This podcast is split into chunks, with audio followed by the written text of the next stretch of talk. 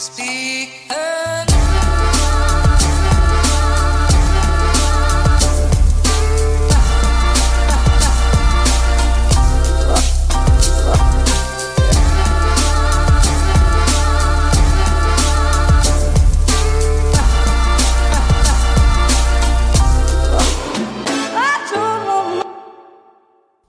god dag og velkommen hit til Klagemuren. Mitt navn er Kevin Kildahl. Det er tirsdag 20. august. eh, en dag på overtid. Klokka mi er 10.22.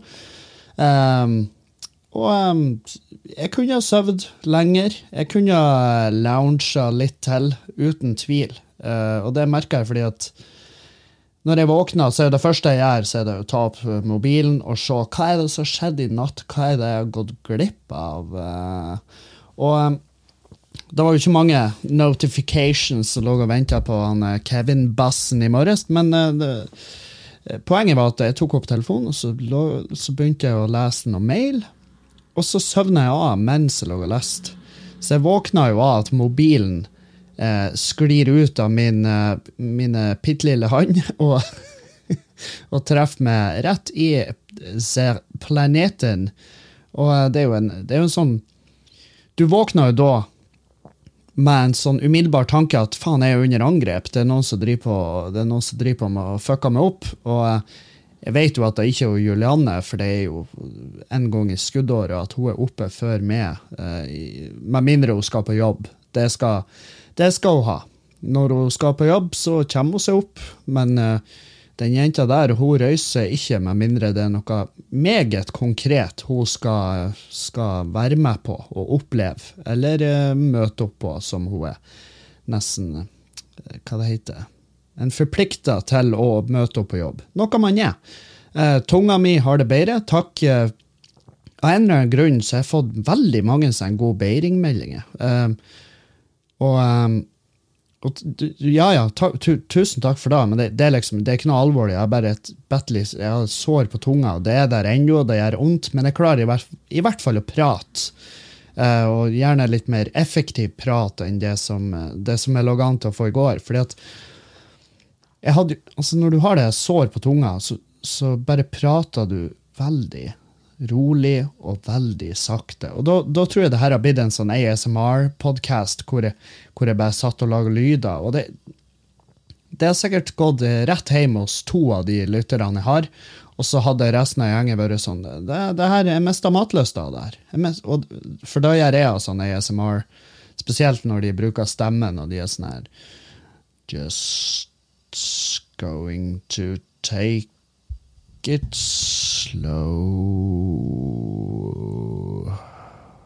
Ikke sant? Sånn der. Det, det er jo ikke Hvis du drar noe form for glede ut av det, så tror jeg du har en uoppdaga fetisj. Da tror jeg du har et eller annet som bare, som bare eh, tar, tar opp eh, en større del av seksuelle, din seksuelle hverdag enn du faktisk vet sjøl. Sånn at eh, det du Den, den trangen for å onanere mens du hører på høytlesning av eh, Karl Ove Knausgård, f.eks., eh, den har du nå fått forklart. Eh, det har ingenting med de tingene han sier, det har noe med stemmen og toneleie. Um, ja, det har jo vært eh, Parken-helg, og eh, selvfølgelig eh, som, som, som forespeila, så ble det jo sånn som det måtte bli. Og vi skal komme tilbake til, eh, til da. Eh, men eh, først og fremst, eh, jeg var jo På torsdag så spiller jeg ikke inn en podkast, og det er jo fordi at eh, ja, jeg hadde gleda meg som faen til å slippe den Anger-podkasten. Um, jeg hadde hatt litt mer hastverk med å gjøre det enn han, eh, enn han Sivert eh, i Anger. Hei, Sivert, hvis du hører på. Um, og jeg har fått masse meldinger på den podkasten, og det, det syns jeg er kos. For det, det var en um, Det var en veldig artig podkast å være med på. For han Sivert han er jævlig proff. Du hører jo at han fyren der han, han har prata med vanskelige folk før. sant? Han har hatt større ego enn meg inne i det studioet der, så han, han vet å takle eh, Jeg tror de aller fleste. Han var sånn her Ja, nå må du stikke, for vi måtte bare kutte. eh, Vi måtte bare takke for oss. Um, fordi han skulle ha en politiker av noe slag. sant? Og da sa jeg til han bare helvete, du, du, det, det, du intervjua virkelig alle Og han bare ja, ja. All- Alle som han hadde lyst, og som svarer ja, selvfølgelig. Um, men ja, du, det, det er noe med da å jobbe med folk som har litt peiling, og som, hvor, hvor du ikke må jekke ordene ut av dem.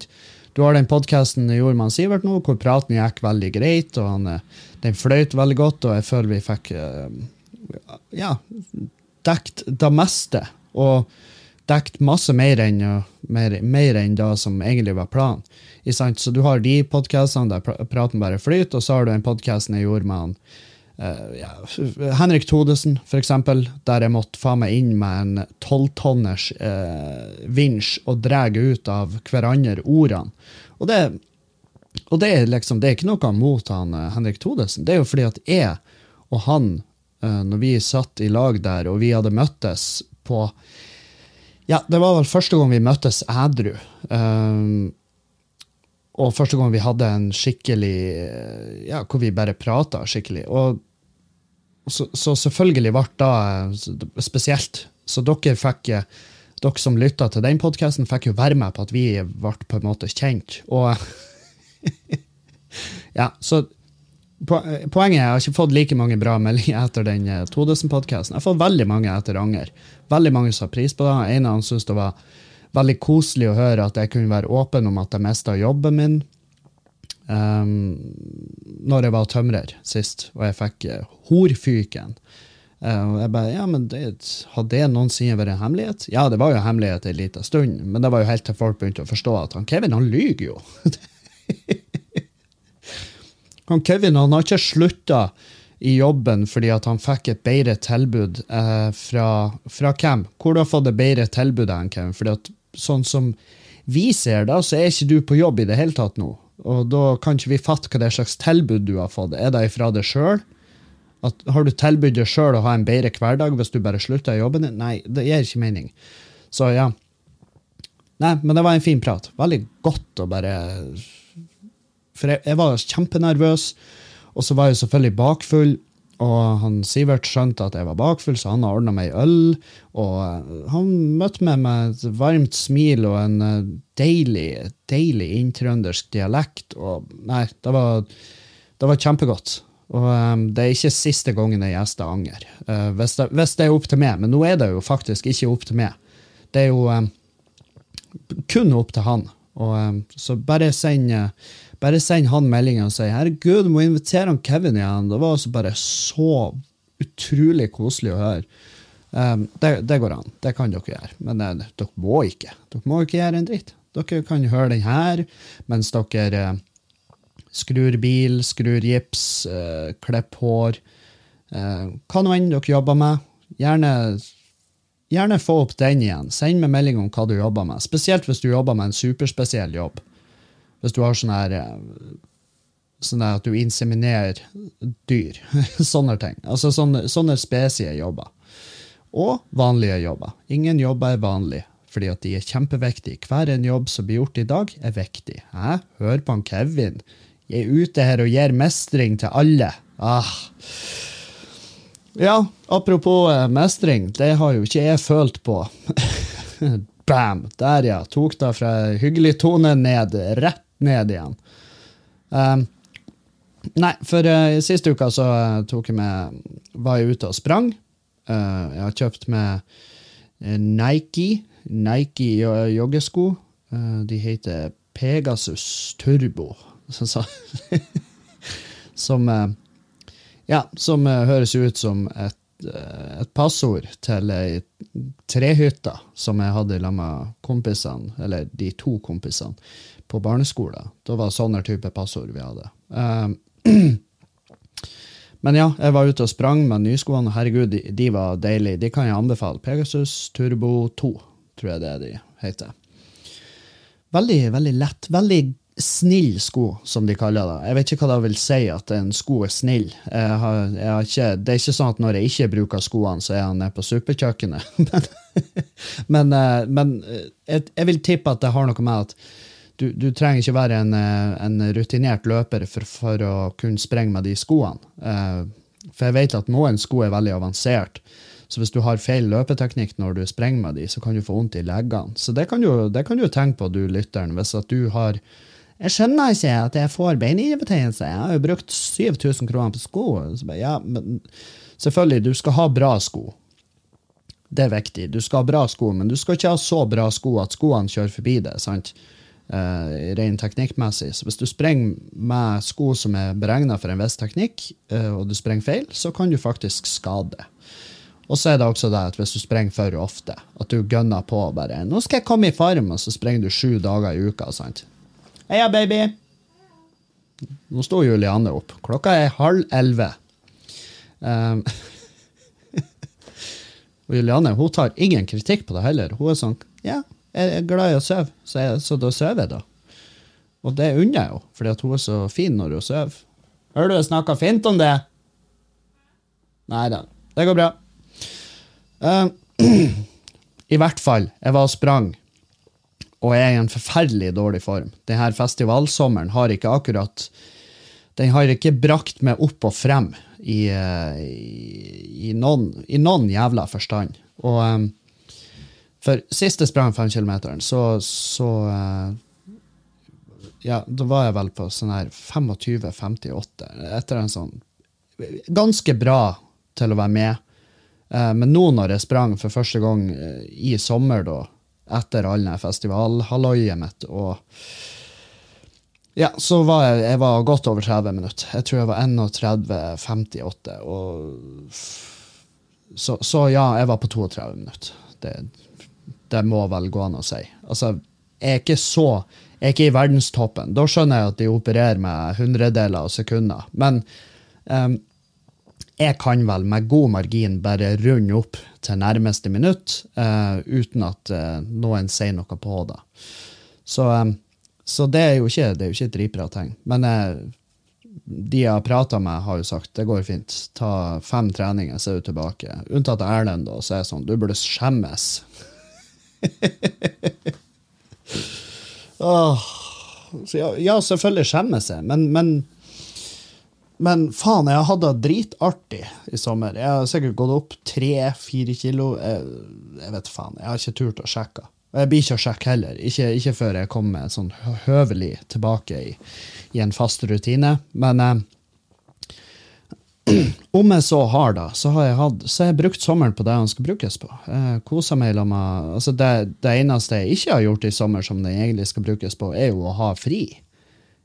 Eh, det er jo da som har eh, egentlig det, Altså, det å jobbe går jo ikke akkurat direkte utover din, eh, din fysiske form, med mindre eh, altså I hvert fall ikke i negativ forstand. Jeg kan ikke tenke meg til at det å jobbe nede på Bådin har gått utover meg på et negativt vis sånn formmessig. For det er, jo, det er, jo hardt arbeid der. Selvfølgelig hvis jeg hadde endt opp med overarbeid, men, men det er vel ikke akkurat fare for da. Det, jeg tror jeg har ganske lenge igjen før jeg begynner å overarbeide meg. Men, men, eh, men ja, nei, det skal vel godt gjøres at det, det går negativt utover din fysiske form å gjøre fysisk arbeid. Det kan jeg ikke tenke meg til. Eh, og nå blir jeg sikkert å få en masse forslag. Ja, Hvis jobben din er å skjære av deg kroppsdeler, men ja, da, da, er du, da, er du, et nisjeprodukt. Så da, eh, da, vil jeg tro at eh, da vil jeg tro at det, det, går vel ikke under den kategorien, akkurat. Hvis jobben din er sjølskading, så er det jo selvfølgelig negative effekter av det. Men, og da håper jeg i hvert fall den er godt betalt. Og jeg vet jo at det er faktisk folk som gjør det. Det, det, var noen som sendte meg en link. Det var ei sånn Ei Bertha som lever av å skade seg sjøl. Uh, ikke på YouTube, da, men uh, fordi at hun ble vel sikkert kjeppjaga fra den plattformen. Men poenget er at hun får altså seere som donerer penger til henne mens hun gjør noe, hva nå en slags fucked up ting hun skal gjøre den dagen. Og hun er hun bedyrer at hun har ikke lyst til å skade seg, men, og hun tenner ikke på det. Men hun innser jo at det er penger å tjene der. Og da tenker jeg at ja, ja, hvis du eh, Hvis det er det talentet du har, så må du jo bare kjøre på. Men jeg ser jo, altså, jeg ser jo veldig for meg at det er jo ikke en jobb du blir gammel i. det, det, du eh, oppnår Jeg kan ikke tenke meg til at hun blir oppnådd full ansiennitet i den jobben. Og jeg håper at hun kommer seg inn på bedre baner. Men ja, forferdelig form. Um, var jeg, var og jobba på Bodin, prøvde å forstå meg på uh, Forstå meg på ei sånn tappelinje for boks, og uh, det er jo utrolig uh, Det er jo fancy gear, det er jo sensorer og motorer overalt. og um, ja, Poenget var at vi, vi fikk det ikke helt til, så, så vi, vi, kom til et punkt der vi var sånn OK, nå har vi, nå har vi prøvd Vi har prøvd såpass mye at vi skjønner jo at vi blir ikke å nå vi blir ikke å nå en full uh, effektivitet her, så vi er utsatt. vi, vi, vi, innså våre begrensninger, og det er deilig. Alle burde gjøre det. Fra tid til annen så burde folk bare tørre å innse sine begrensninger. og da, sant, Når du innser en begrensning hos deg sjøl på et eller annet som må gjøres, da er jo svaret er jo veldig enkelt. Svaret er jo da eh, outsource driten. Eh, få, noen, an, få noen kompetente haug inn her og fiks det. Så det, det, det ordner vi. Og det er liksom er han, Thomas har vært alene der. Thomas er en kollega med, og han, han er en av de opprinnelige Bodin-guttene. Og han er egentlig selger. Altså Han jobber jo med å selge produkter. Han, og er komiker, så, så, det er liksom eh, Man skjønner jo at vi, vi trør til, og vi gjør det vi kan, men også er vi flinke å se våre begrensninger. Takk Gud. Og um, Så jeg har gjort da, og så har jeg vært og jobba hos søstera mi på Neverdal. Hun har jo et hus der, og det er jo der vi har lyst til å starte det lille mikrobryggeriet vårt. Um, og, um, og, så har jeg hjulpet henne med å lage et lite sånn vaskerom, eller en vaskenukk, om du vil. Den blir i yttergangen med en skyvedørsgarderobe på seg. Uh, sånn, at, uh, sånn at vaskemaskinen og tørketrommelen kan stå der. Ja, hvordan har du løst da med, med kravet om våtrom og sluk og sånn, Kevin. Nå er jeg utrolig spent. Nei, jeg har brukt, et, eh, jeg har brukt et, en dryppbakke, og så har vi lagt inn en sånn, eh, sånn stengeventil, en solenoidventil, tror jeg det heter, med en sensor. Så hvis det kommer ei dråpe vann på den, så kang, stenger han eh, vannet, og så vil du ikke få noe Du vil ikke få de vannskadene. sant? Og det her er jo noe alle burde ha. Hvis du har et hus eh, hvis du har et hus med enten kjøkken eller vaskerom Noe jeg virkelig håper du har hvis du har en bolig av noen form for slag, så, um, så, så burde du skaffe deg en sånn vannsensor og en lukkeventil. Sånn at du kan montere da under vask, oppvaskmaskinen oppvaskmaskin og vaskemaskinen din. Sånn, der har du mitt lille husbyggetips. Um, Fordi at kjøkken det burde egentlig vært våtrom. Det skulle vært slukmontert i kjøkken, eller så burde du ha de, de her stengeventilene og følerne. Fordi at vannskader i norske hus i dag, det er stort sett eh, Eller det, det, er ikke bare. Det er ikke, det, er ikke, det er ikke, kun, men en utrolig utrolig stor andel av vannskader i norske hus i dag er på kjøkkenet. Fordi at A. Eh, slangen på eh, oppvaskmaskinen spretter av. altså og så når, når, folk har bygd kjøkkenet, så er det veldig mange som det er veldig mange som legger bare gulvet inntil kjøkken, uh, de øh, kjøkkenforingene. De bunnforingene. Og så bare stopper gulvet der. Og det er nå for så vidt greit, men det som skjer da, er jo at hvis det begynner å leke vann under der, så vet ikke du det. Det bare trekker inn under parketten, og så begynner og så reagerer du ikke før at kjøkkenet og stua og øveretasjen din er blitt et uh, lite badeland, en, sånn en svær, en svær sånn vannmadrass hvor du og rir på gulvet, og det pipler opp mellom sprekene, og du lurer på det her skal jo ikke være sånn. Og så uh, viser det seg at du må rive hele driten. Så det er, no, det er A. Og B er jo folk som har en sånn Vi har kjøpt et sånn fette nice side by side kjøleskap. Ja, det er noe med sånn automat, sånn isbitmaskin på, så det er bare koblet på vannet. Og så er det meg som vannfilter, så de isbitene vi får, de er jo fette reine. Ja, ja. Det er de. Uh, helt til uh, samvittigheten din ikke er fullt så ren, fordi at du kobler det der sjøl og så spretter slangen derav, som den veldig ofte gjør, fordi at du har bestilt deg kjøleskapet fra en nettside der kjøleskapet koster 1200 kroner, vi dekker frakta. sant? Da Og så lurer du på hvorfor du må rive halve huset ditt. Og så lurer du også på hvorfor If eller hvem nå enn du har forsikring hos, ikke er så jævla keen på å betale masse penger fordi at du er en tosk. Så Så ja, monter vannsensorer. Gjør det. Det koster så lite og sparer så mye. Mm. Der har dere Det var min. Det var Bygg-Kevin. Kevin Byggforsk.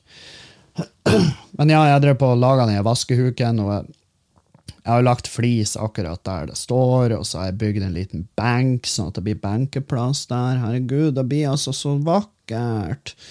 Så ja, når jeg er ferdig Jeg skal dit i dag og koble opp det, det siste. Um, og ja, vi bruker sertifiserte fagfolk, fordi at uh, det er veldig artig, for at i den leiligheta der jeg har laga det her vaskerommet, så bor da Det bor eh, sånn fire rørleggere, så de går jo og kikker på alt. Og, um, og jeg har jo plassert noen rør, det har jeg. Jeg har plassert rør. Men jeg driver ikke på å koble og styre. Det gjør jeg ikke. Det eneste, eneste, jobben jeg har, det er å prøve å ikke sette en spiker eller en skrue i de rørene som er montert. Og det tror jeg har greid å Jeg tror jeg har mestra. Kommet meg gjennom det uten å ødelegge noe. Så, så, vidt, så vidt jeg vet, så har jeg i hvert fall det. Så, så det blir spennende å få kjørt det der rommet i gang. Og jeg gruer meg som faen til å bære opp eh, vaskemaskinen og tørketrommelen. Men jeg har kjøpt ei sånn her eh, For det, det, jeg, det blir å få bruk for når vi skal flytte her nå også. Men jeg har kjøpt ei sånn tralle, så du, sånn der han, eh, en sånn lagertralle med sånn trappehjul. Så det er sånn tre hjul på hver aksling, eller hver ende av en aksling. Ja, dere skjønner. Det er tre hjul, sånn at det er perfekt å få dra opp trapper. Få kjøpt på Biltema 599 kroner. Så vet dere da. Eh, men når jeg var der ute og jobba, så var det en, en, ene dagen der eh, så plagde jeg seg. Plagde som faen. Og det var da jeg innså at jeg er skapreligiøs. Jeg er religiøs uten at jeg egentlig vet det sjøl. Jeg tror på noe. Jeg, jeg vet ikke hva jeg tror på, men noe tror jeg på. Jeg bare Av og til så er jeg 100 sikker på at no, noen eller noe med meg. Noen, det er et eller annet som går inn, all in for å ødelegge dagen min. Og den opplevelsen fikk jeg når jeg drev på og skulle ta mål. Skulle måle høgda fra gulvet. Da bruker jeg et målbånd. Så står jeg oppi en sånn her bitte liten gardintrapp og så strekker jeg ned målbåndet og så bøyer jeg det opp for å liksom få Jeg tror jeg skulle måle høgda på en stav. Og så eh, glipper sånn at målbåndet knekker sammen, og så må jeg jo liksom ned og fikse det, og så blir det litt sånn åh, oh, Jesus. Og så gjør jeg det, så går jeg opp igjen, og så, akkurat idet jeg skal bare sette et strek med blyanten, så mister jeg blyanten ned på gulvet, og så bare henger jeg fra med målbåndet over en eh, sånn eh, elektriker, sånn trekkrør som ligger der. Så henger målbåndet over der mens jeg går ned og henter blyanten. Og når jeg bøyer meg ned etter blyanten, så smeller det i hodet mitt. Eh, fordi at målbåndet selvfølgelig har jo surra seg i hop og datt ned og treffer meg rett i planeten. Så målbåndet bare knuser rett i skallen min, treffer gulvet. Jeg klikker i vinkel, og så ser jeg opp mot himmelen. Og så roper jeg 'Hva er det du vil?'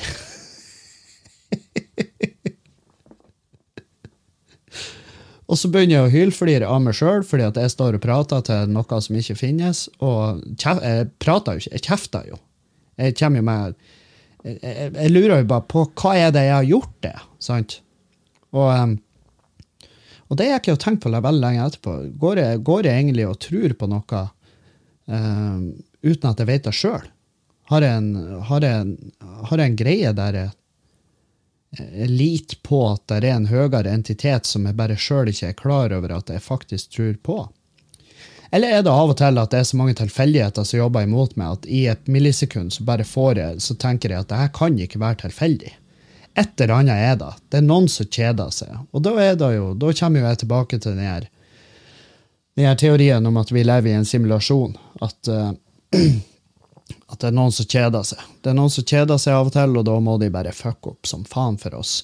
Gjøre den simulasjonen her mest mulig Altså, se hvor langt kan vi pine de før de begynner å faktisk betvile sin egen eksistens. Um, fordi at eh, det, det er så skjer samtidig. Sant? Og det, det, For dere som ikke har hørt om den teorien, ta Google, da. Muligheten for at vi lever i en simulasjon. Det det er ikke, ikke les den hvis du er fullsjuk eller på tur ned fra en eller annen form for narkotisk substans. Det, det her må leses når du er i en hvor bra som helst form. Fordi at uh, Ja, for, for det, er ikke, det, er ikke, noe du skal lese hvis du er litt nede. For det, det, blir ikke, det blir ikke å gjøre dagen din. Hvis du finner trøst i det, så er det et eller annet superspesielt med det. Å, herregud, takk Gud at det er en en puppet master der som tar ansvar og styrer driten. Det Nei, det er, en, det er en svært, svært vanskelig å forholde seg til at vi faktisk er en del av et dataprogram. Og det hadde jo Det hadde jo vært veldig sånn eh, ja, På et eller annet nivå så hadde det jo vært litt befriende å bare kunne tenkt sånn Ja, ja, hvorfor stresser jeg med alt, da? Hvorfor, eh, hvorfor bryr jeg meg? Og jeg tror det er sånne folk som bare plutselig går ut og gjør sånn skikkelig fucked up ting, at de bare går med et pizzastykke fra pizzabakeren i handa, naken, i, midt i sentrum i Bodø by, og onanerer og roper til folk at vi er ikke ekte. Det, det, er jo det som er faren med det. Så, så, så, sørg for at du er i en rett form for sinn når du leser sånne her type ting. Jeg vet ikke om jeg var på rette plassen når jeg drev på og leste. Jeg vet ikke om det var sånn jeg tenkte når jeg, når jeg slutta i jobben min. slutta, ja, for jeg har faktisk hatt jobber som jeg har slutta i sjøl. Jeg slutta i selgerjobben min, det gjorde jeg.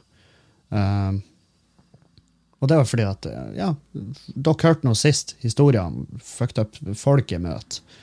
Og måten jeg ikke klarer å beherske med når jeg prater med folk som jeg frekker meg med. For det er sånn ja, 'Kunden har bestandig rett'. Nei, det nekter jeg å stille meg bak. Jeg syns det er det dummeste jeg hører, at kunden har bestandig rett. Fordi Hvis kunden bestandig hadde rett, så hadde jo ikke han trengt å, han slash hun, hadde jo ikke trengt å henvende seg til oss for våre tjenester. Så kunden, nei, har ikke bestandig rett. Det er derfor kunden bruker kompetanse utenifra. Fordi at kunden har ikke peiling. Og så ja, men du må, du, hvis de sier sånn og sånn, så er det sånn det er. Nei, nei, nei, jeg kan ikke forholde meg til det. Ikke i det hele tatt, faktisk.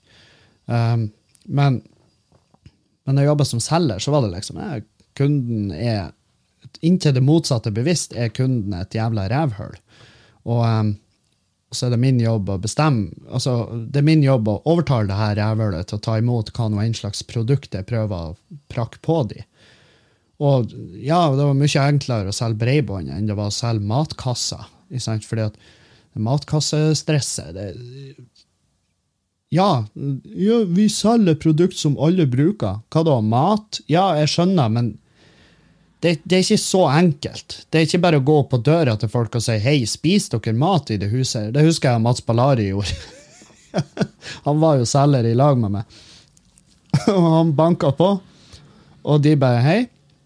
Hei! Og da, jeg tror det var hans første tur ute i felt. Og han var sånn Spiser, spiser dere mat i huset? og det er jo sånn det er en sånn selgerregel. Det er jo ikke sant, få, få, ja. Få ja. Og det trenger ikke være ja til å kjøpe noe. Du bare lurer hjernen deres til å ja, ja, ja. Så hvis du får en kunde til å si ja fem ganger på rad, så, så er de så er de disponert for å si ja til hva nå enn du foreslår etter det. Så, men så har du de som tok det litt eh, Så tok det litt, eh, litt vel bokstavelig. Så sånn, Hei, spiser dere mat? Ja. Er du et menneske? Ja. Er vi avhengig av oksygen for å eksistere? Ja. OK. Uh, jeg har en matpakke, vil du kjøpe den? Uh, nei. OK, da takker jeg for tida di. Det var veldig mange artige sånne her veldig mange artige øyeblikk i den selgerjobben. Men det er jo ikke de jeg sitter igjen med. Jeg sitter igjen med de øyeblikkene når man er i belasta områder og prøver å selge noe. Jeg husker det var en, det var en fyr som eh, det var et jævlig nice nabolag. Jeg husker jeg kunne se på nabolaget og bare tenke ok, der er trampoline, der er sånn og sånn. Det her er ypperlig. Det her er perfekt. Det er, unge, spreke biler, og det er ofte unge, spreke mennesker. Um, som da er kjøpekraftige. sant? Men jeg husker jeg kom inn i et sånt nabolag og tenkte herregud, for et koselig lite community. Og, og så tenkte jeg det, men det er jo som å komme tilbake i, eh, i eh, Altså gå tilbake 200 år. Men så, så jo de har jo innlagt strøm, liksom. Så jeg bare sånn, ja, ja, de har innlagt strøm, da trenger de internett. Og, og jeg kom gående opp, og det var Og folk kom gående ut av sånne små hytter, og jeg innså at det er jo faen meg Det her er jo, det er jo en sekt. jeg var bare klar for For det var liksom det var sånn Charlie Manson-looking typer som bare for og gikk hvileløst imellom hyttene der, og så kom, det, kom de ut i rare klær, og, og, de som ikke allerede kom ut av hytten, de satt allerede fra før av ute og jobba i noe blomsterbed. Og så kom det til slutt eh, ei dame bare gående veldig bestemt bort til meg, så jeg skjønte jo at ok, hun her er boss, the boss man. Eh, og jeg bare 'Hei, jeg kommer fra Kanal Digital'. Og hun bare 'Du, jeg tror ikke Jeg tror du er kommet feil, ja'. Jeg bare 'Nei, vi, vi, vi er bare å gjøre noen oppgraderinger i området'. Begynte på pitchen min, og hun bare 'Nei, du skjønner ikke. Uh, det her er ikke Det er ikke området for deg'. Uh, så jeg, jeg, tror, jeg, tror, bare du skal ta oss og, og dra hjem. Jeg bare OK, ja, nei. Eh, og jeg skyndte meg jo i bilen, for jeg, var, jeg, fikk jo en sånn feeling at de her de blir jo offer med på ei steintavle. Og så, og så blir de jo å ha en orgi i blodet mitt, sant? Og det har ikke jeg lyst til. Jeg vil ikke at en eller annen eh, trønders Charlie Manson skal sæde i blodet mitt. Sant? Så jeg skyndte meg av gårde. Og så måtte jeg jo google hvor i faen er det jeg har vært. Og da, da var en sånn her Hva faen det heter Sånn kolonihage sånn der eh, Som er mega-corny konsept. Og de her folk, men de folkene her, de Det virker jo som de bodde der. Jeg trodde en av, eh, jeg premissene med sånne altså en, av, en av betingelsene var at du har ikke lov å bo der mer enn så lenge, med sånn kolonihager. Men uansett, superspesielt, og en batterlig spesiell gjeng. Eh, jeg skjønner jo at jeg, jeg hadde jo ingenting der å gjøre. Hun sparer meg for en masse tid. Eh, jeg kunne ha spart meg for eh, en ganske enorm form for skuffelse og ydmykelse. Hadde jeg bare googla hva faen det var slags område jeg var på tur inn i. Men jeg, jeg var en magnet for sånne der rare greier. Det var et annet område jeg kom opp i der som var tydeligvis veldig belasta. Det var mange kommunalboliger. Det fikk jeg jo vite. Altfor seint. Jeg kom opp, banka på ei dør, kom en fyr ut, og han hadde et uh, gevær i handa si. Og så hadde han bare bokseren, og så laga han bare lyder. Sa ingenting. Og da Og tenkte jeg bare jeg, jeg, var sånn her Ja, han Anders, er han her? Og han fyren var sånn! Og jeg bare Nei, OK, da har jeg gått feil. Og så skyndte jeg meg derifra. Og så tenkte jeg Og så tenkte jeg den rifla så jo ikke ekte ut, men eh, jeg tar jo ikke en sjanse. Og hvem er jeg til å begynne å avvæpne folk? Så, um, så, så, jeg gikk på ei dør til, og da var det en uh, kjempetrivelig dude med kjempehøy bukse. Han, var, han hadde kroppen til en grusomme gru. Uh, sant? Buksa var kjempehøyt på kroppen, og han var bare føtter med noen øyne på. Og han inviterte meg jo inn, og han bare 'Kom inn, kom inn, kom inn! Fortell, fortell, fortell! Hva er det du gjør? Hva vil du? Hvorfor er du her? Hallo, kom inn, kom inn! Vil du ha noe å drikke? Jeg har juice.' Ikke sant? Og, um, og uh, Så jeg satte meg jo ned og begynte pitchen, og han var jo fette med. Han var dritmed, og jeg bare 'Herregud, har jeg noensinne vandra inn i et, i et, uh, i et salg, så er det faen meg nå'. Og um, vi signa opp og skrev under og masse ekstrapakker, og jeg tenkte yes, det her er jo et dritbra salg. Og skrev under, og han, jeg ga han motparten, og jeg tok min del av kontrakten, og så var jeg på tur ut døra. og Da møter jeg Bertha i døra, og hun bare Hei! Og jeg bare Hei, hei. Ja, nå blir det internett på dere, sier jeg til henne. Eh, for jeg trodde hun var fruen, men eh, det var hun jo ikke. Hun hadde jo på seg eh, klær som tilsa at hun jobba i en eller annen form for omsorg. Og hun bare eh, 'Unnskyld meg?' Jeg bare, ja, nei, det blir vi, vi, Fra Kanal Digital, og så peker jeg på jakken. Og hun bare 'Ja, men hva du gjør her?' Og så jeg bare 'Nei, jeg har vært solgt internett her'. Det blir internett og TV. Utstyret kommer om ei uke. Og hun tente på 100 000 plugger samtidig. Fordi at han fyren jeg har solgt internett til, har jo ikke noen form for fullmakt overfor sitt eget liv. og så får jeg og gikk med et lovlig dokument med navnet hans på. Og det, til mitt forsvar, hvordan i helvete skulle jeg vite? Og det var jo det jeg prøvde å si. Men hun bare Du er i et område med kun kommunale boliger. Bare så du vet det. Og det er folk her du ikke burde prate med. Det er folk her som faktisk er potensielt farlig for seg sjøl og for det, hvis du bare valser inn i leiligheten deres. Og da skjønte jeg nok en gang at faen, Kevin, du kan i hvert fall google det området du skal inn i, sånn at du kan spare deg tid og kanskje til og med ditt eget liv. Um, og han fyren som jeg hadde nettopp signert kontrakt med, han ble jo kjempestressa.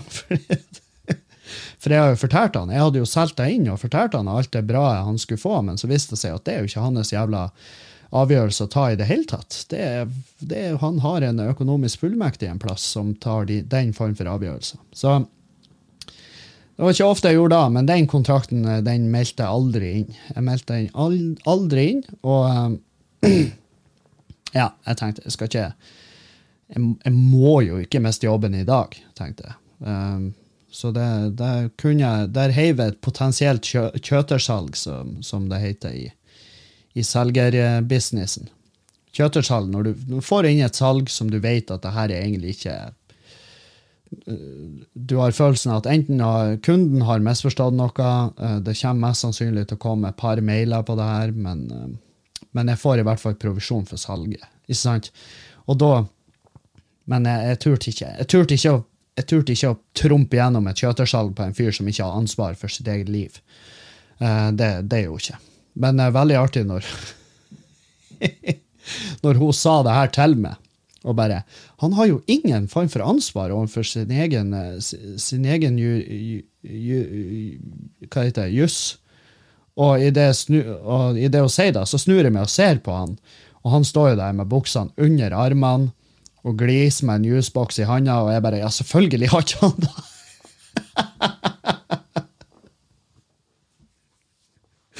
det er jo et sluk midt i stuegulvet. Det er jo, det er jo eh, det er jo for faen, det er jo belegg på gulvet, og det er en sluk der.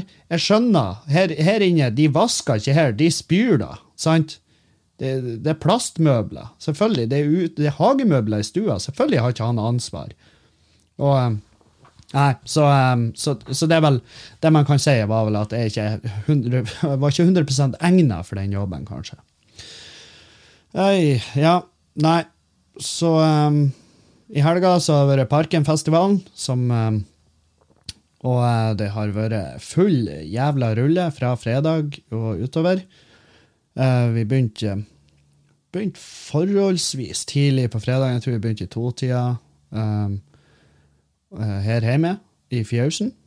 Og så Ja, bra gjeng. Og så stakk vi bortover eh, på parken, og eh, Jeg er veldig glad i parken. Kjempeglad i Parkenfestivalen, men, men, jeg har aldri lagt merke til hvor jævlig det er med all den pratinga. Tenker jeg.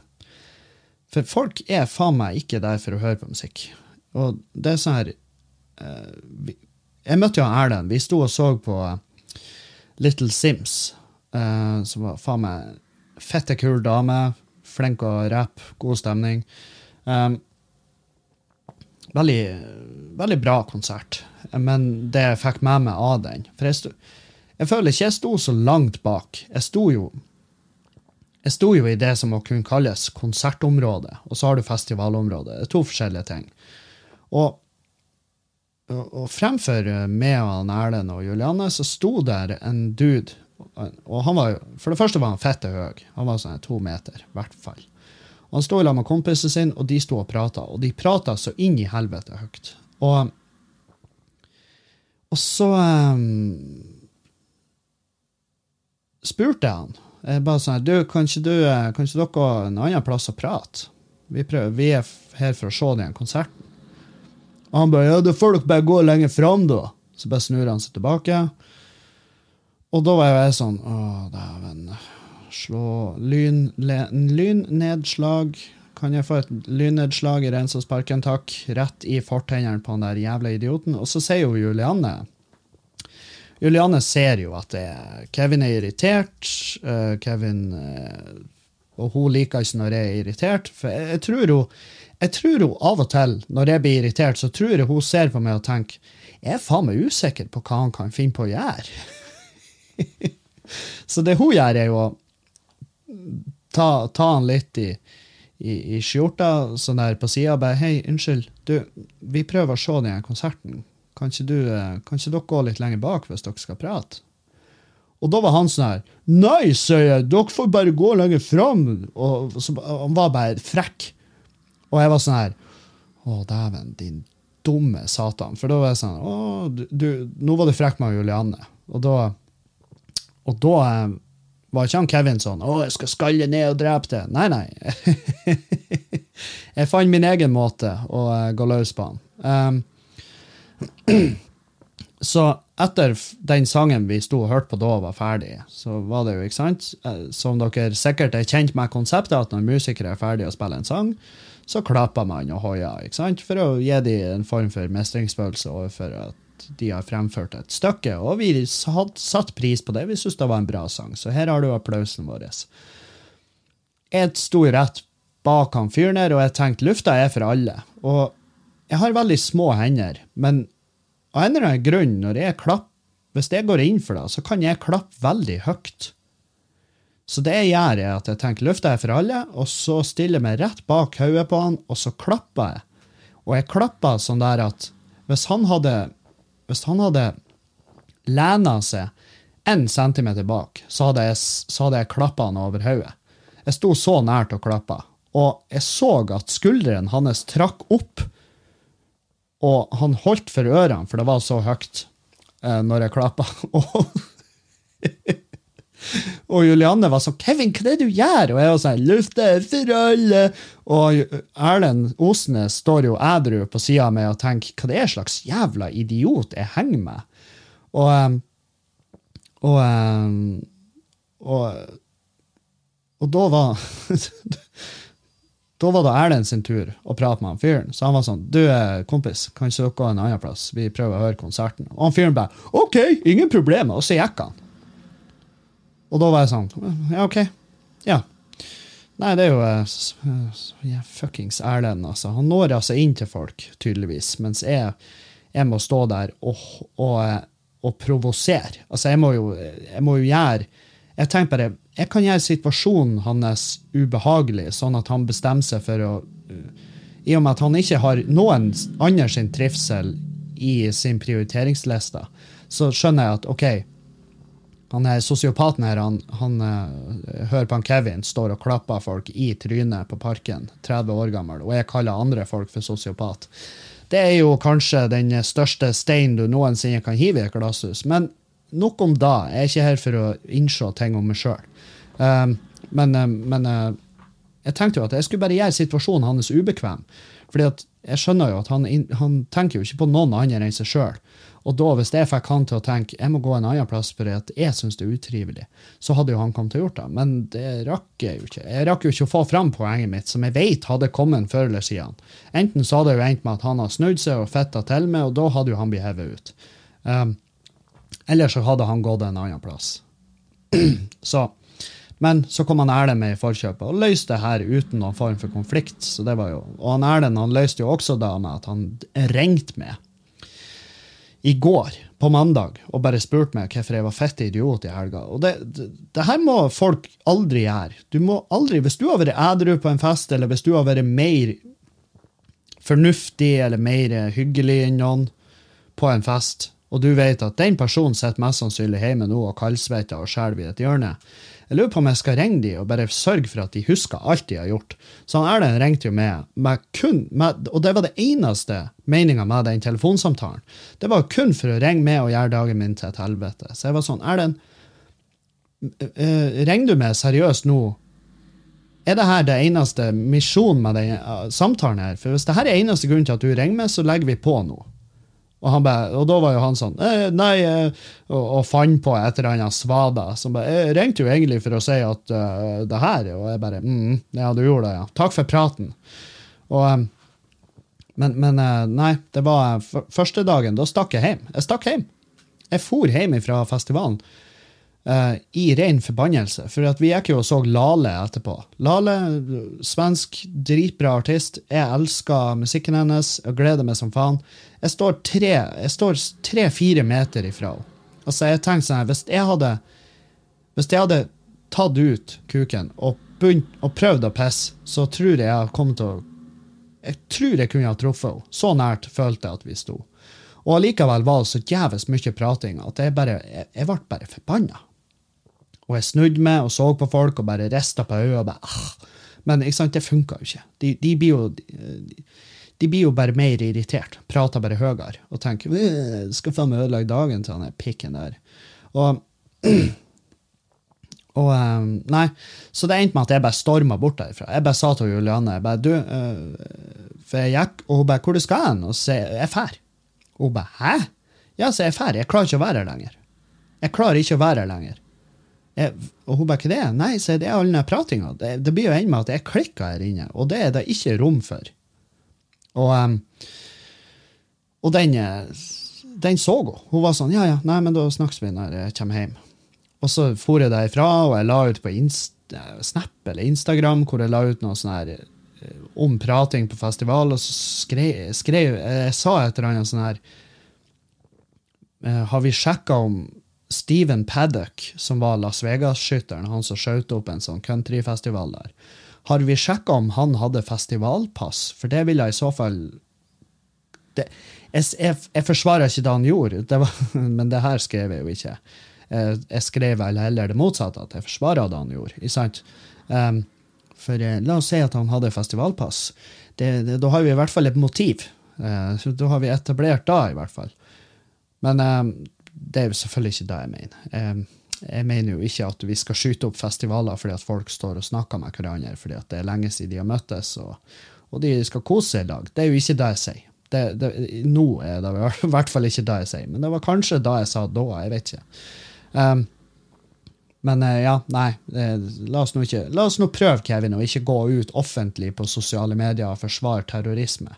Eh, prøv, prøv, å, prøv å vende av det, det der. Men ja, jeg var bare i en situasjon der jeg var temmelig forbanna. Ganske forbanna, ganske sint. Jeg var skuffa og lei meg fordi at jeg ikke fikk se og nyte konsertene sånn som jeg hadde lyst. Men, men samtidig, dag to, så visste jeg jo alt det her. Jeg visste jo at folk er sånn, og da var det greit da tenkte jeg fuck da, jeg ser noe, jeg ser kvelertak. Du, hvis du greier å prate over kvelertak, så, så, er det ikke Da hadde ikke jeg vært irritert lenger. Da, da hadde jeg vært bare Wow, helvete, for en stemme du har. Du, du faktisk overdøver kvelertak. Og da sto jeg også ganske langt framme. Og jeg sto akkurat sånn at jeg slapp å være med i moshpiten. Uh, for den, den oppsto jo selvfølgelig. Veldig artig med da på Parken er jo fordi at Snittalderen på parken er jo 49 000, sant? Så, så veldig artig med sånn kjempevoksne menn i en sånn eh, moshpit, hvor de for og dytta på hverandre og hoia, og de flira. Du så de kosa seg så inn i helvete. For de har, bare, de har bare hørt om det her, men de har aldri vært i nærheten av en. Da virka det i hvert fall som at uh, det her var den beste dagen i deres liv, og det unner jeg de, uh, for all del. Men, uh, men, samtidig så er jeg i den jeg vet ikke, jeg har vært i såpass mange moshpiter at jeg har bare bestemt meg for at vet du hva, det der det er ikke for meg. Det er bare ikke for meg. Jeg, skjønner, jeg, jeg, jeg, sliter med å skjønne greia. Jeg er bare her for å høre musikken. Jeg er ikke her for å jeg er ikke her for å være i et legitimt slagsmål. Sant? Så, um, eh, så ja. Nei. Jeg fikk, um, jeg fikk en, Det var en fyr som sendte meg sånn, Bare når vi er innom terrorisme. Det var en fyr som sendte meg sånn screenshot av en kommentar. Uh, og han bare 'Ja, hva er tanken din om det her, Kevin?' Og det er jo der Det er jo han der han, Philip Manshaus, han der eh, tullingen som prøvde å skyte opp en moské i Bærum. Uh, han, når han møtte opp i rettslokalet for, for fengslingsmøte, så, så, var det jo det var jo tydelig at han har jo fått litt juling. Eh, han hadde jo noe noen blå øyne og så, så, eh, så ut som han har vært gjennom en liten, eh, liten runde med, noe haraball. Og, og da Kommentarene handler om at uh, vi må fengsle de i moskeen som banka han opp. Fordi at de har utøvd siviljustis, eh, og de har brukt excessive force. De har brukt Altså, de har De har eh, de har, eh, de har overdrevet bruken av vold når de har overmanna. Så det så det var kommentarene da, i det kommentarfeltet. Og jeg tenkte bare, hvor i helvete er det her? Det her må jo være i interngruppa til Resett. Nei, nei, nei. Det var det var i et kommentarfelt for VG, tror jeg det var. Enten Dagbladet eller VG. Og, um, og jeg tenkte Jesus fuck, folk er altså faen meg så fette idiot. Og jeg tenkte sånn her, hvis, la oss bare si, hvis jeg har vært i et rom, i, i et rom i et kulturhus eller i kirka, eller uansett hvor i faen jeg har vært Hvis jeg har vært i et rom med masse folk, og det har kommet en dude inn med våpen opp og begynt å skyte, og og nå skal ikke jeg være han fyren. Jeg hadde gjort sånn og sånn. Men jeg bare tenker Om jeg hadde fått Om noen hadde fått han i bakken Det trenger ikke å være med engang. Men hvis vi hadde fått han i bakken, han fyren som begynte å skyte rundt i rommet der, så hadde jeg drept han. Jeg hadde, fuck, jeg hadde, jeg hadde American History X-knust trynet på han. Um, uten tvil. Hvordan kan du si da, Kevin? Du vet ikke om du ville ha drept han. Du har ikke vært i en sånn situasjon, så du kan jo mulig si det. Nei, men jeg baserer den uttalelsen på det at jeg nå i helga sto i parken og vurderte å drepe en fyr som sto og prata. Så jeg bare tar, jeg bare måler opp imot eh, Så hvis da en fyr hadde kommet inn i et rom med det eneste målet med dagen hans var å drepe meg og alle andre som var i det rommet, så hadde jo jeg Jeg hadde jeg, jeg mener, og jeg, jeg kan med hånda på hjertet si at jeg tror jeg hadde drept han. Um, og jeg hadde kommet unna med det fordi at det heter sjølforsvar. Sant? Nei, men det er ikke sjølforsvar når, når du uh, har fått kontroll på personen, og du så bestemmer deg for å drepe han. Jeg hadde kalla det sjølforsvar. Jeg hadde sagt han var på tur å komme seg løs. Jeg kjente at jeg var på tur å slippe grepet, mest grepet på han. Og da hadde han kommet seg løs, og han kunne ha tatt en av de to pistolene eller det geværet han hadde med seg, og så skjøt det oss.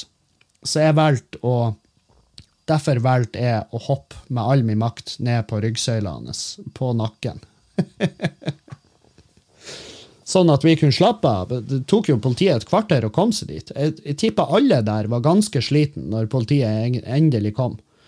Men nei, jeg, nei, jeg synes, uh, min kommentar til det er nei, jeg syns ikke vi skal fengsle de. Jeg syns vi skal faen meg gi de Jeg, jeg, syns vi skal gi dem sin egen gate eller sin egen bru. Bare for at de klarte å holde seg såpass i skinnet at de bare vi, Hei, hei, hei, slutt, slutt å trampe i fjeset på han. Vi skal, han her han skal sone for det han har gjort. Vi skal ikke drepe han. Tror de drepte han? Helvete, de kommentarfeltene da. Å ja, skal vi bare glemme det faktum at en ekte nordmann faktisk ble drept i den moskeen der? Skal vi ikke prate om det? Nei, eh, jo, vi prater jo om det. Det er faktisk akkurat det vi prater om nå. Men jeg skjønner hvor du vil. Du vil ha en eller annen form for rettslige steg mot de som beskytter seg sjøl fra en gærning med våpen. Men eh, nei, så jeg vet jo, når du sender meg den meldinga der og spør om min kommentar på det, så vet du jo svaret. Du vet jo, Men du vil bare høre hvor, hvor forbanna jeg kan bli på folk som eh, ikke skulle hatt tilgang til internett. Sant? Eh, som, som skriver sånne fuckings dritdumme ting. Eh, men ja, nei, det er nå da det er. Eh, hva annet? Ja, faen. Eh, på søndagen kom. Um, søndagen kom, og, eh, og, og jeg var jo selvfølgelig eh, rimelig sliten etter parken. Jeg var også jævlig gira på mat. Og så har jeg noen venner som var i byen, fra Meløy. Og så, så vi for ut, vi for ut, og så spiste vi, og så drakk vi øl. Og så var det jævlig Faen, det var kjempegodt med øl, og, og det har jo blitt en sånn greie at etter festivaler, etter en todager, så reparerer jeg på søndag, og vi reparerte jo beinhardt plutselig. Det endte med at de varte over en dag ekstra, og vi for ut. Og og så for vi ut såpass tidlig. Jeg, jeg hadde bare glemt all Jeg hadde ingen forhold til tid. Skjønner? Når, når du liksom begynner veldig tidlig på dagen. Så, for, set, så vi for på Nordlendingen og skulle synge karaoke, men jeg for jo hjem lenge før karaoken begynte. Jeg var jo hjemme sånn nitida på kvelden. Åtte-ni-tida. Og, eh, og da husker jeg når jeg kom hjem og innså at faen, klokka er bare sånn åtte-ni. Helvete, jeg har jo hele dagen igjen. Så jeg, hadde, jeg, hadde, jeg, var glad når jeg innså hvor tidlig det var. Julianne var ennå våken. og... Uh, men i hvert fall så Så uh, gikk, vi, gikk jeg og la meg. Etter hvert så gikk jeg og la meg og skulle sove. Og så mener jeg at jeg hørte noe. Jeg hørte noe, Og så var jeg sånn Jesus, uh, lost vi egentlig fjøsen? Og så står det opp. Juliane har jo på dette tidspunktet gått opp og lagt seg. Hun påstår at det hadde bare noe med at hun, hun klarte ikke å sove i senga. Det var ikke noe, Hun påsto at det var, hadde ikke noe med meg å gjøre, men greit nok. Um, men jeg tok på meg morgenkåpa, så gikk jeg ut, og så gikk jeg ut i fjøsen. Og ja da, den sto åpen. Og ikke bare sto den åpen, men det var et par. Det var et par oppe i årene, tippa 40-årene, som satt i fjøsen og drakk øl. og jeg kom inn døra, og så ser jeg på de, og de bare Stig på! og jeg bare Å, takk! Så raust av dere! Og de bare Ja, sett deg ned. Og jeg bare Nei, dere skal ut. Og de bare Hæ? Hvorfor da? Så jeg sånn, Hvem er dere? Hva gjør dere her? Kom dere ut!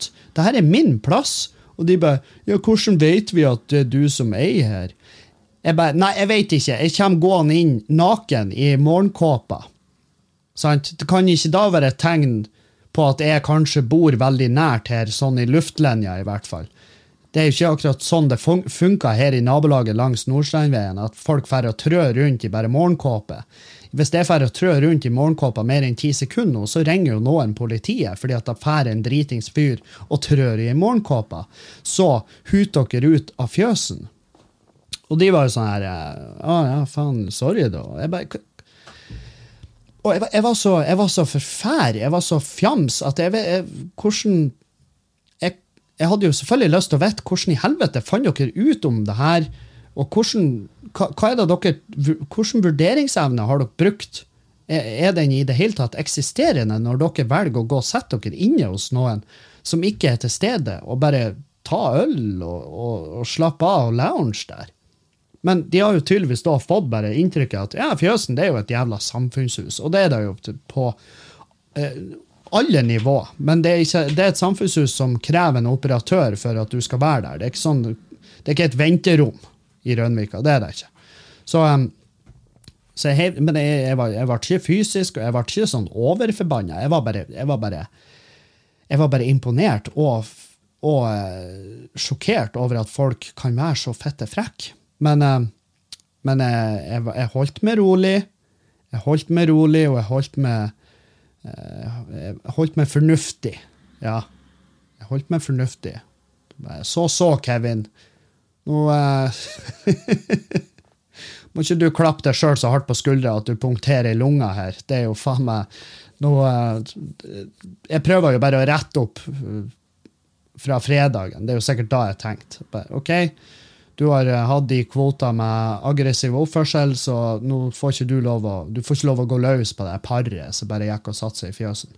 Um, på et eller annet nivå så er det vel sikkert min feil. Det er det jeg tenker på et nivå så er det min feil. Og da, da, er det sånn, ja, ja, nei, du blir ikke å få noe jævla sympati her, Kevin. Og jeg tror ikke engang politiet blir å finne jeg tror ikke engang politiet blir å tenke at ja, det var greit, han Kevin han banka opp de her to stykkene som satt i fjøsen, men hvorfor gjorde han da? Er det fordi at eh, de gikk og satte seg der og drakk øl, når han har basically hatt åpent hus nå i et år i strekk? sant? Så eh, nei. Jeg tror, ikke, jeg tror ikke jeg hadde klart meg dritbra i en rettssak med det her. Men uh, jeg kjente ikke igjen. Jeg har aldri sett dem før. Jeg tror ikke de har vært på Fjøsen Live. Jeg tipper de bare bor i nærheten, og så har de gått forbi her i løpet av Parkenhelga og tenkt der er det jo fest hele tida. Og så har de bare gått inn og satt seg. Jeg vet da faen. De, var jo ikke ædru. Det var de ikke. Og det kan godt hende at det her er et par som drikker veldig mye. Um, og jeg tenkte bare ja, ja, det passer åt meg som ikke lost fjøsen. Og, um, og så uh, samtidig så er det sånn De hadde jo ikke stjålet noe, de hadde, tatt, de hadde tatt to øl. Det, det, det tar jeg, det skriver jeg av på sving. Jeg skriver det på uh, på et eller annet uh, sånn lager, lagersvinn. Jeg, jeg vet faen. Men i hvert fall så Faen òg, altså. Hva, hva spesielt? Det var jævlig spesielt. Inn i helvete. Men de, de var hyggelige nok. De, de stakk hjem, og hun, begynte nå å beklage seg, men da var jeg sånn Du, det er litt seint. Sent. Vi får Send meg heller en melding så på, på, eh, om et år, så skal vi flire av det her. Men jeg flirer jo allerede av det. Jeg flirer jo inni meg ifra det sekundet når jeg kom inn døra i morgenkåpa, og de ser på meg, og så sier de 'stig på'. som om jeg trenger trenger tillatelse i mitt eget heim. Men ja, ja. Eh, greit nok. Eh, vi skal ta et par spørsmål, skal vi gjøre. Uh, og så må jeg også si at denne uka så skal jeg på RDK-festivalen, uh, som er en standup-festival nede i Oslo. Eh, øh, helvete òg. Gruer meg litt, det gjør jeg, fordi at eh, Ja, fordi at eh, det kan jo kan bli nok drikking. Kan bli nok drikking. Skal vi se Uh, uh, uh. I hvert fall. Uh, skal på RDK-festivalen, kjøp billetter. Det ligger ute på Facebook. Jeg tror eventen ligger på Facebook-sida mi òg. Jeg skal stå på late nighten der en av kveldene klokka 11 på kvelden. Men det er, det er inn helvete med komikere. Det er sånn 77 komikere fordelt på tre kvelder. Så, så ja, ta turen uh, hvis dere har interesse av det. Um, Hei, Kevin. Spørsmål fra en fastlytter fra Nordens Paris. Hei, Kevin. I Anger-podkasten trekker du parallell mellom ordene kjerring og kjær. Jeg mistenker, jeg mistenker at denne forklaringa av ordet kjerring er utbredt, men den er likevel, likevel en feiltolkning av ordets opphav. Uh, here we go. Kjerring kommer av det gammelnorske ordet kjær, kerling, som igjen er en slags feminin utgave av ordet Carl. Eller navnet Carl, kanskje. Carl er igjen det gammelnorske utgangspunktet for de moderne norske ordene kar og kall. Som i ho, Randi har funnet seg en kar, ok, og han Arthur er begynt å bli en gammel kall. Ok. Kjerring er altså i grunn bare en feminin utgave av kar og kall. Ordet brukes jo gjerne både nøytralt og mer negativt i dag.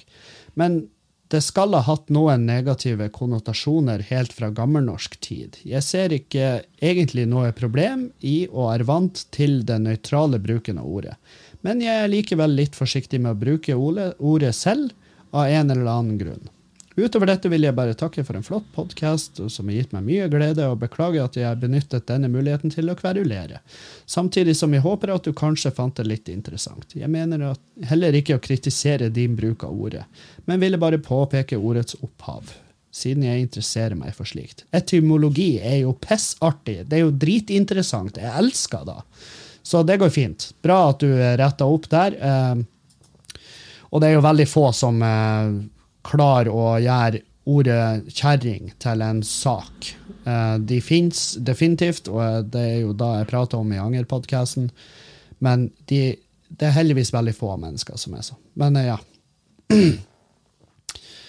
Hei, hvis du tar dette opp i podkasten, er jeg gjerne anonym, men skriver ikke til deg for at jeg må være med der, bare for å dele noe feedback jeg har tenkt på.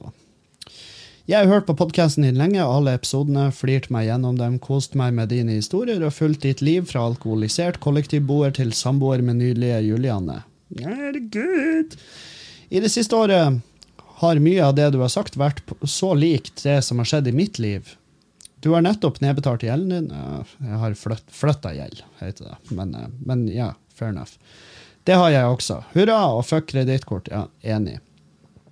Da du snakket om at dere var i DNB for å be om huslån, hadde jeg og samboeren også vært det, og du nevnte hvordan de møtte dere. Slik var det med oss også. Og han var faen så frekk. Vi jobber begge i restaurantbransjen, har fagbrev, og han kom med den ene spydige kommentaren etter det andre om at hadde vi bare tjent dobbelt så mye, mye kunne vi bare lånt 700 000 av foreldrene våre osv., så, videre, så hadde vi fått lån. Maken til frekk drittsekk av en BI-pappagutt med sleik og. Gikk derifra sjokket og sint, men lokale banken min fra Sunnmøre var derimot mye vennligere og imøtekommende. Og da du, da du hadde vært syk tidlig i sommer, men så det viste seg å være pollenallergi, akkurat det samme hadde skjedd her. Og det gikk ikke opp for meg at det var pollenallergien min før du snakket om det, ha-ha. Ja, men bra, bra at det kom noe ut av det. Da du snakket om D-vitaminmangel, hadde kompisen min nettopp gått gjennom det samme uforklarlige sinnet osv., gått til legen og fått påvist D-vitaminmangel. Han han er vel som deg mye bedre nå. Kommer ikke på flere eksempler, men synes slike randomme sammentreff på punkter i livet har gjort podkasten enda mer interessant for min del, og takk for at du er så åpen om dine økonomiske utfordringer på livets vei. Lykke til framover med forhåpentligvis huskjøp and keep up the good work. Ja. Um, mm, mm. Takk for det. Og um, ja, kan jo oppdateringa på det huskjøpgreiene er at uh, det, det, se, det, det blir. Det blir, faen meg. Men, uh, men ting tar tid i det her uh, byråkratiet, så jeg, nå venter jeg bare på at de skal fjerne de betalingsanmerkningene. Og man kan jo være Altså, man kan jo strekke seg til å si at kanskje de bare gjør jobben sin, og at av og til tar en jobb litt lengre tid.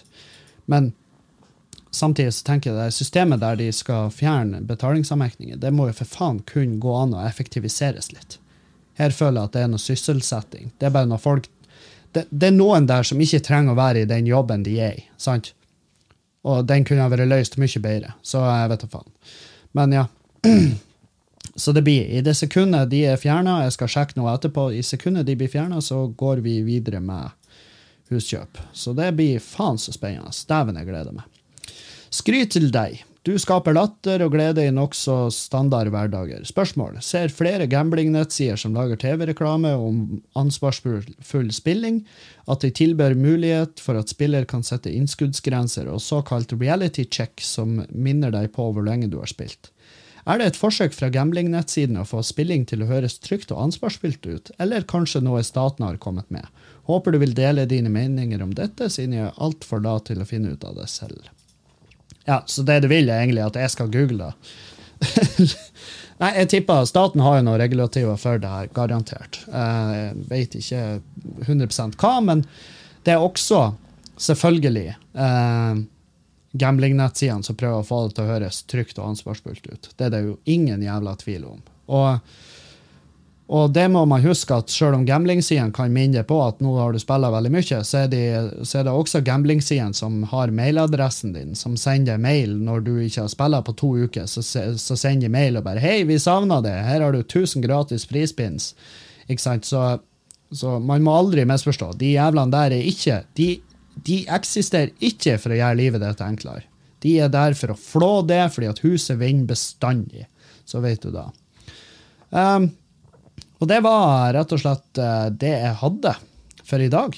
Og eh, takka for følget, og så, og så høres vi igjen eh, til Hvis jeg skal gjette, så tipper jeg det blir på fredag, for jeg har en mulig podkastgjest når jeg reiser ned til Oslo. Så, det, så da hadde det vært artig å, å diskutere litt med henne om, om ja, et par ting som jeg har på lista der. Så um, Men stay tuned. Enten så høres vi på torsdag eller på fredag. Alt etter om jeg får en gjest på fredag. Så takk for meg, og takk for dere, og ha ei fin uke videre.